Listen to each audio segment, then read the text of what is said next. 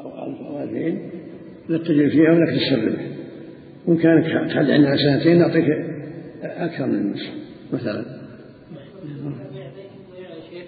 إذا انفضوا إذا إذا ما هو بذبح ما هو بذبح هذه شيء اشتراك هذا اشتراك كالوكالة. ما تقاس عليه شيء ياخذ جزء من الربح يستغرب العامل جزء من الربح عن عن عن تعب والناس في حاجة إلى هذا. ما كل يستطيع يعمل. ما تقاس على بيعتين في بيعة إذا إذا إذا ما اتفق على الصورة قبل الانقضاض بيعتين في بيعة غير هالشيء غير هذا. بيعتين في بيعة غير لا لا مو من هذا يقولون نحن شركاء في الربح. أما الخسارة إذا حدثت نحن نتحمل تحملها الشركة يقولون لل- للمشترك معهم نحن شركاء في الربح. لا لا لا يحددون نسبة معينة من الربح إذا حصل ربح نتشارك. لكن إذا حصل هناك خسارة تحملها الشركة ترغيبا له حتى يشترك لا والله ما يصلح لأن المال أمانة. لا بالاشتراك في الجميع. أما- أمانة. ما يضمنونها إلا إذا فرطوا أو ضيعوا أو تعدوا. ولا ما يضمنون الوكالة المطلقة الله يحسن عملك وكلت فلان وكالة مطلقة تجوز هذا؟ وكان مطلقة يشد على عيالك ولا؟ نعم في كل شيء هذه يعني يذكر. يعني في كل شيء الأعمال التجارية وال- والشراء. بغير المعلومة ولا بالتبرع؟ لا بعض الناس يكتب وكالة مطلقة لشخص إذا كان تبرع أو بعد معلومة ما يجعلها عني يقول أنت وكيل عني في مزرعتي تصرف فيها وتتعامل مع العمال وتبذل ما تشاء وتحصل ما تشاء ما تشاء. أنت تقوم مقامي ولك كل شهر عشرة ريال ألف ريال ألفين ريال وكيل شيخ كيف في أن الناس يفرض على العمال مبلغ شهري؟ يفتح له محل يقول أريد منك المبلغ الشهري كذا وكذا. سنة أجرة المحل؟ فرض عليه فرض. سنة أجرة المحل. عشان يشتغل يشتغل ما يصح. هذا غرض. قد لا يحصل له ربح قد ينكسروا. أما سنة أجرة المحل. يقول هذا المحل عليكم بكذا. بيعوا واشتروا أنتم في المحل. لا ليس أجر يا شيخ. سنة أجرة المحل دكان أجرة البيت ما يفعل أن يقول لا هذه أموال تبيعونها لي بأجر معلوم يعني يكون تعطوني كل شهر 100 ريال. هذا السائل. ما يصح لأنه قد لا يربحون قد يخسرون. صلى إليك يا شيخ. نعم. بنوك الربا ما في حلال إذا كان بنوك شرعية ما في بأس البنوك شرعيا نعم. إذا كان في بنك شرعي. من هما يا شيخ؟ بنك الراسي لا بأس بنك الراسي بالشركة أما الربا لا يصح صلى إليك يا شيخ اللي يأخذونها. البنك الإسلامي. البنك الإسلامي على الشركة هذا البنك الإسلامي تبيع بالبيع بالبيع الشرعي. يعني جائز تعمل إذا كان بنك الإسلامي لا. يبيع المعاملة الشرعية يعمل بالمعاملة الشرعية. لا يعمل عليك شخص أوصى زميل له أن يبيع البيجر جهاز البيجر يقول إذا زاد عن 950 فالمبلغ الزايد لك. بعد هو الشخص هذا قال الزميل له آخر أن الج- أن الشخص حد جهاز عليه ب 300 ريال. وهو ما حده هو بس اجتهاد منه حد المبلغ ب 300 ريال. هل هو جائز أحسن الله إليك بيعه؟ لأنه هو قال أنه حاد ب 300 يقول إذا وصلك يعني بيع وزاده لك نعم. صرح في المال نعم. تبرع ما في بأس يعني لو لو كذب هو قال انه انه حاد وما حد هو قال انه إذا زاد عن مبلغ 950 ريال فهو لك الزياده. المعنى واحد المعنى يقول له إذا إذا حصل في هذه السلعة هذه ألف ريال أنا سامح. ما في بأس. لكن بس لا يغر الناس لا يغر الناس إذا كان لها إذا كان السلعة يعني سعر معلوم عند الناس لا يغر يبيع مثل ما يبيع الناس أما إذا كان سلعة ما لها حد ما لها ما لها سعر معلوم وب- وزاد زاد السعر فزايد له. لكن ما يغر الناس بس. السعر عند الناس 100 ريال وهو يبيع 120 يغر يغر السذج ما يجوز حتى احسن إليك يستعملون يعني أحيانا يقولون إنها محدودة. وليست محدودة. يعني هذه كلمة محدودة. ياثم هذا؟ هذا بينه وبين صاحب السلعة إذا كان ما لها سعر معلوم في السوق يصلح وياه. أما إذا كان لها سعر معلوم ما يحل يتبعون الناس. يعني الشيخ الحافظ الجوال اشتراكه الأصلي عشرة ألاف ريال. فبعضهم تجده الآن في الوقت الحاضر مثلا مضى للحكومة صرف حوالي 500 ريال فيبيعه بالعشرة آلاف نفسها هل يصلح ذلك؟ يجب والله ما عندي خبر أحتاج تام تكتب تكتب كتاب وتسأل درسه الله يجزاك تسأل أهل الخبرة لمن بعد عندنا خبرة من هذا؟ لأنها كثيرة يا شيخ ويسألون عنها إذا كنت على بصيرة اكتب سؤال. الله يجزاكم الجنة شك على بصيرة فيه اكتب سؤال. الله. لا هذه حادثة بعين. أقول اكتب سؤال يدرس الله يجزاكم الجنة يجزاك على الطاعة قال الحافظ ابن حجر رحمه الله تعالى في باب الشركة والوكالة وعن عروة البارقي رضي الله تعالى عنه أن رسول الله صلى الله عليه وسلم بعث معه بدينار اشترى له ضحية. الحديث الحديث رواه البخاري في أثناء حديثه في في أثناء حديث وقد تقدم. وعن أبي هريرة رضي الله تعالى عنه قال بعث رسول الله صلى الله عليه وسلم عمر على الصدقة. الحديث متفق عليه. وعن جابر رضي الله عنه أن النبي صلى الله عليه وسلم نحر ثلاثا وستين وأمر عليا رضي الله عنه أن يذبح الباقي. الحديث رواه مسلم.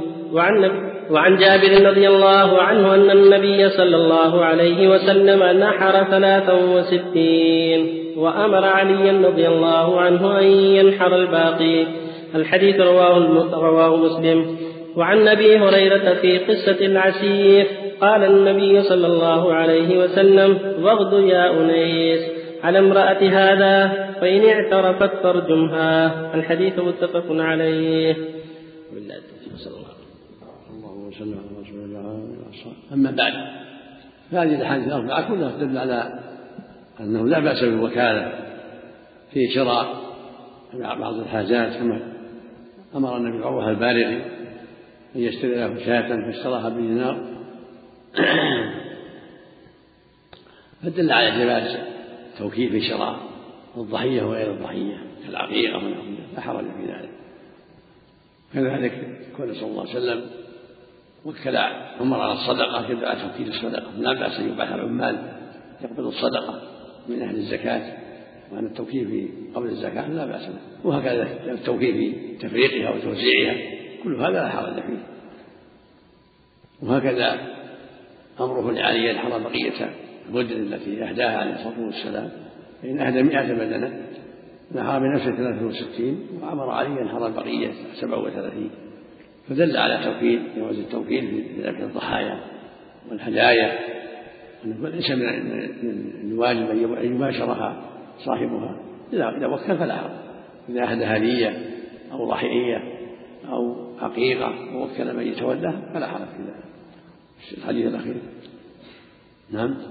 حديث أبي هريرة في قصة العسير. كذلك. ونهى امرأة صلى الله عليه وسلم قال يغرب الناس من امرأته فإن تخرجها يجوز التوكيل في إقامة الحدود يقول ولي الأمر يوكل من يقيم حد القلب حد الزنا حد السرقة.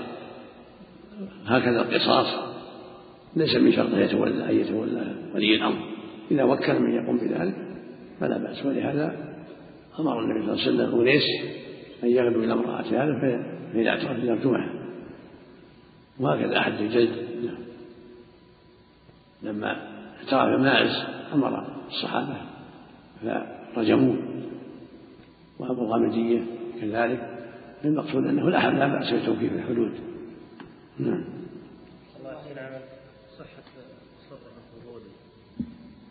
يصح يصح إذا أمضاه صاحبه.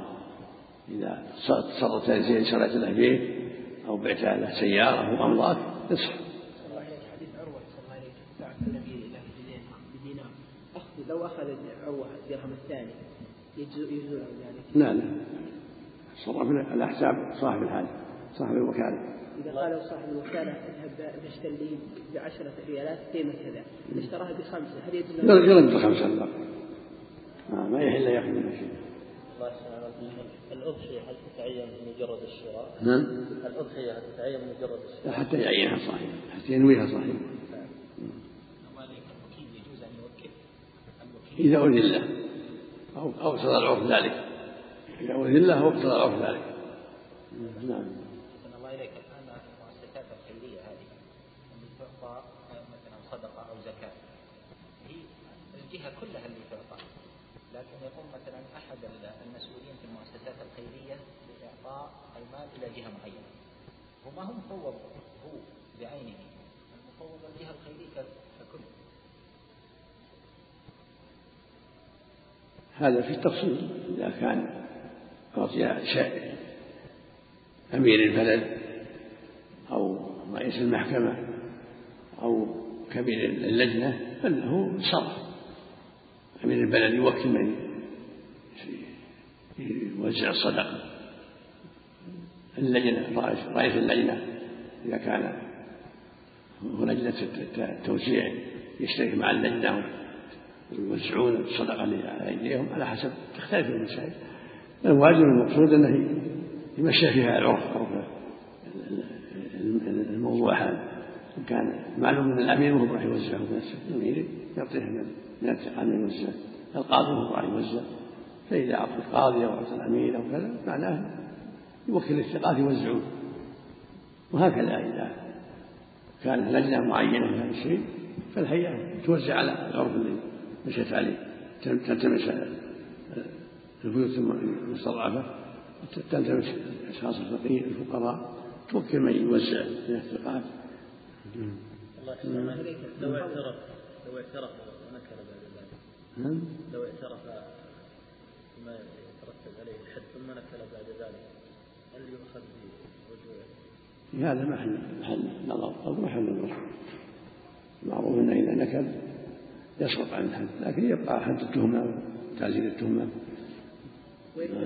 لابد لابد يستمر على إقراره الزنا ولا غيره ثم إذا كان حق آدم ما يقبل الرجوع. إذا اعترف حق آدم عنده فلان قرض أو ثمن مبيع ثم رجع ما يقبل ذلك إذا أما الحدود إذا رجع يقبل رجوعه عند الحدود الشبهة. يكفي مرة واحدة أحسن إليك نعم.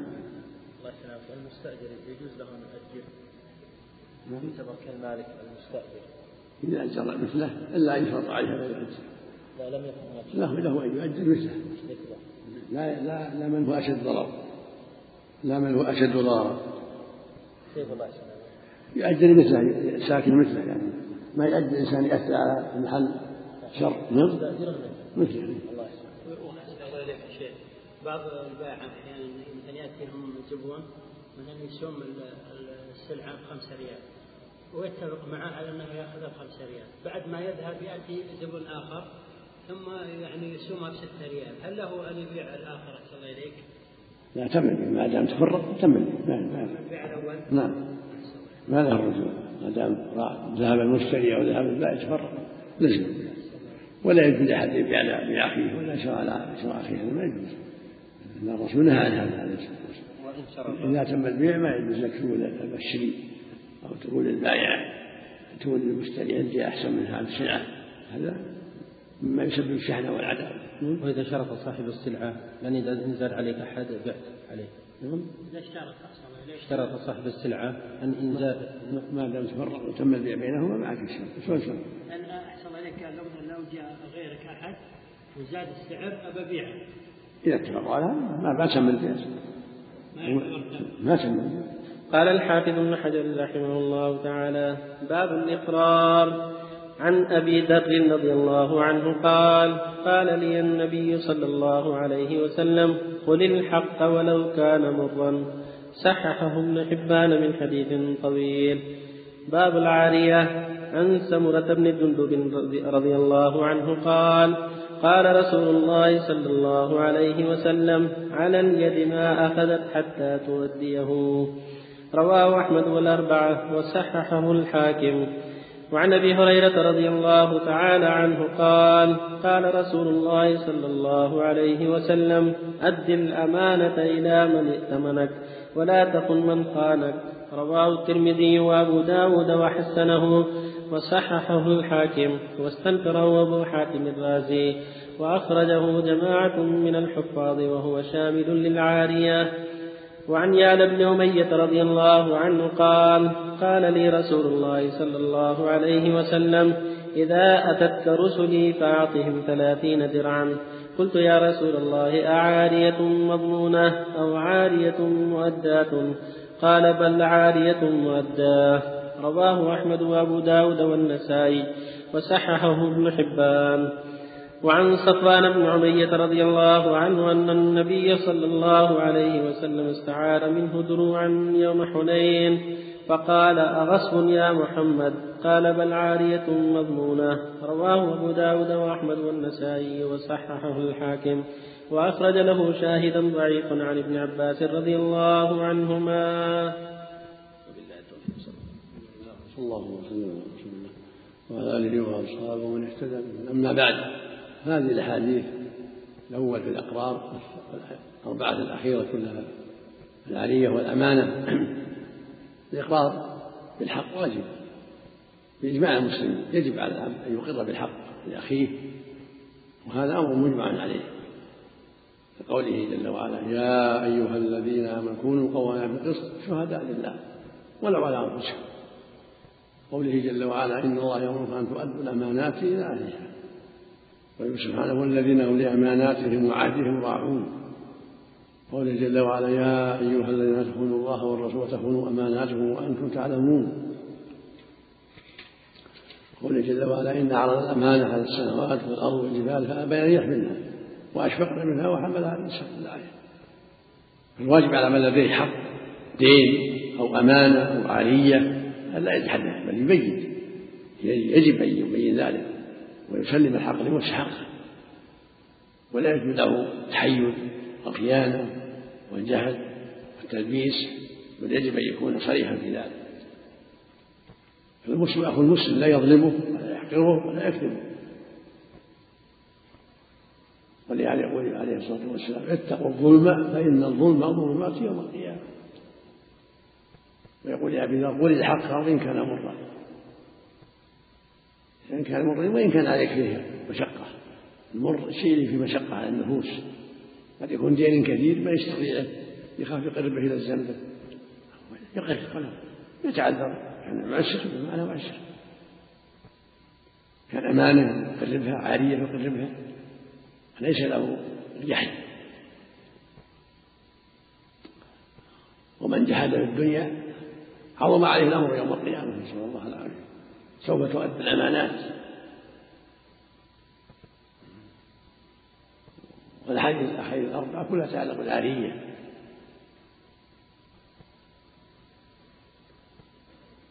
الله جل وعلا يقول إن الله يأمر أن تؤدوا الأمانات والعاريه عنها يجب أن تؤدى. هذا الحديث سبق هذا الذي ما أخذت حتى تؤديه. يعني يجب عليها. أخذت أمانة تؤدي الأمانة. عارية تؤدي العارية قرض يؤدي القرض. يجب. والأدلة من النصوص واضحة. والإجماع قائم من أهل العلم على وجوب أداء الحقوق.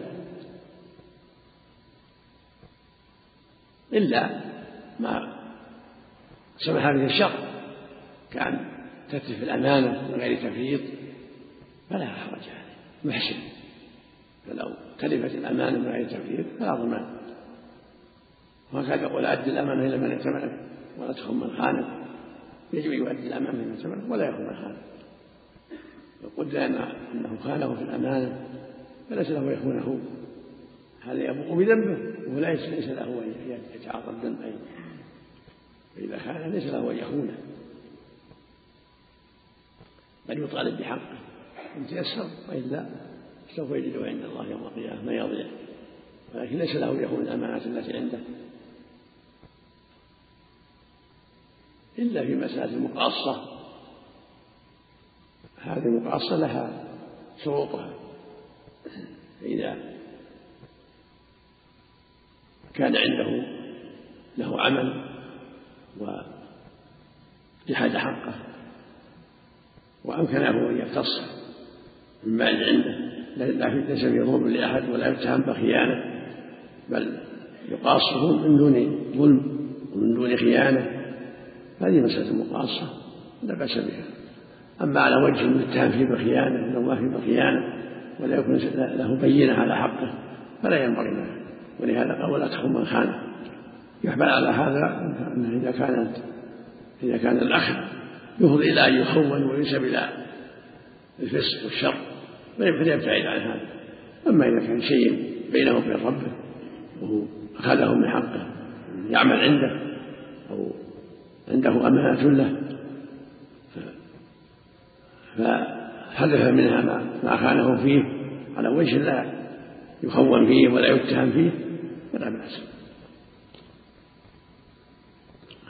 والحديث الثالث حديث يعلى بن أمية. فيه أن العارية تكون مضمونة تكون مؤدة.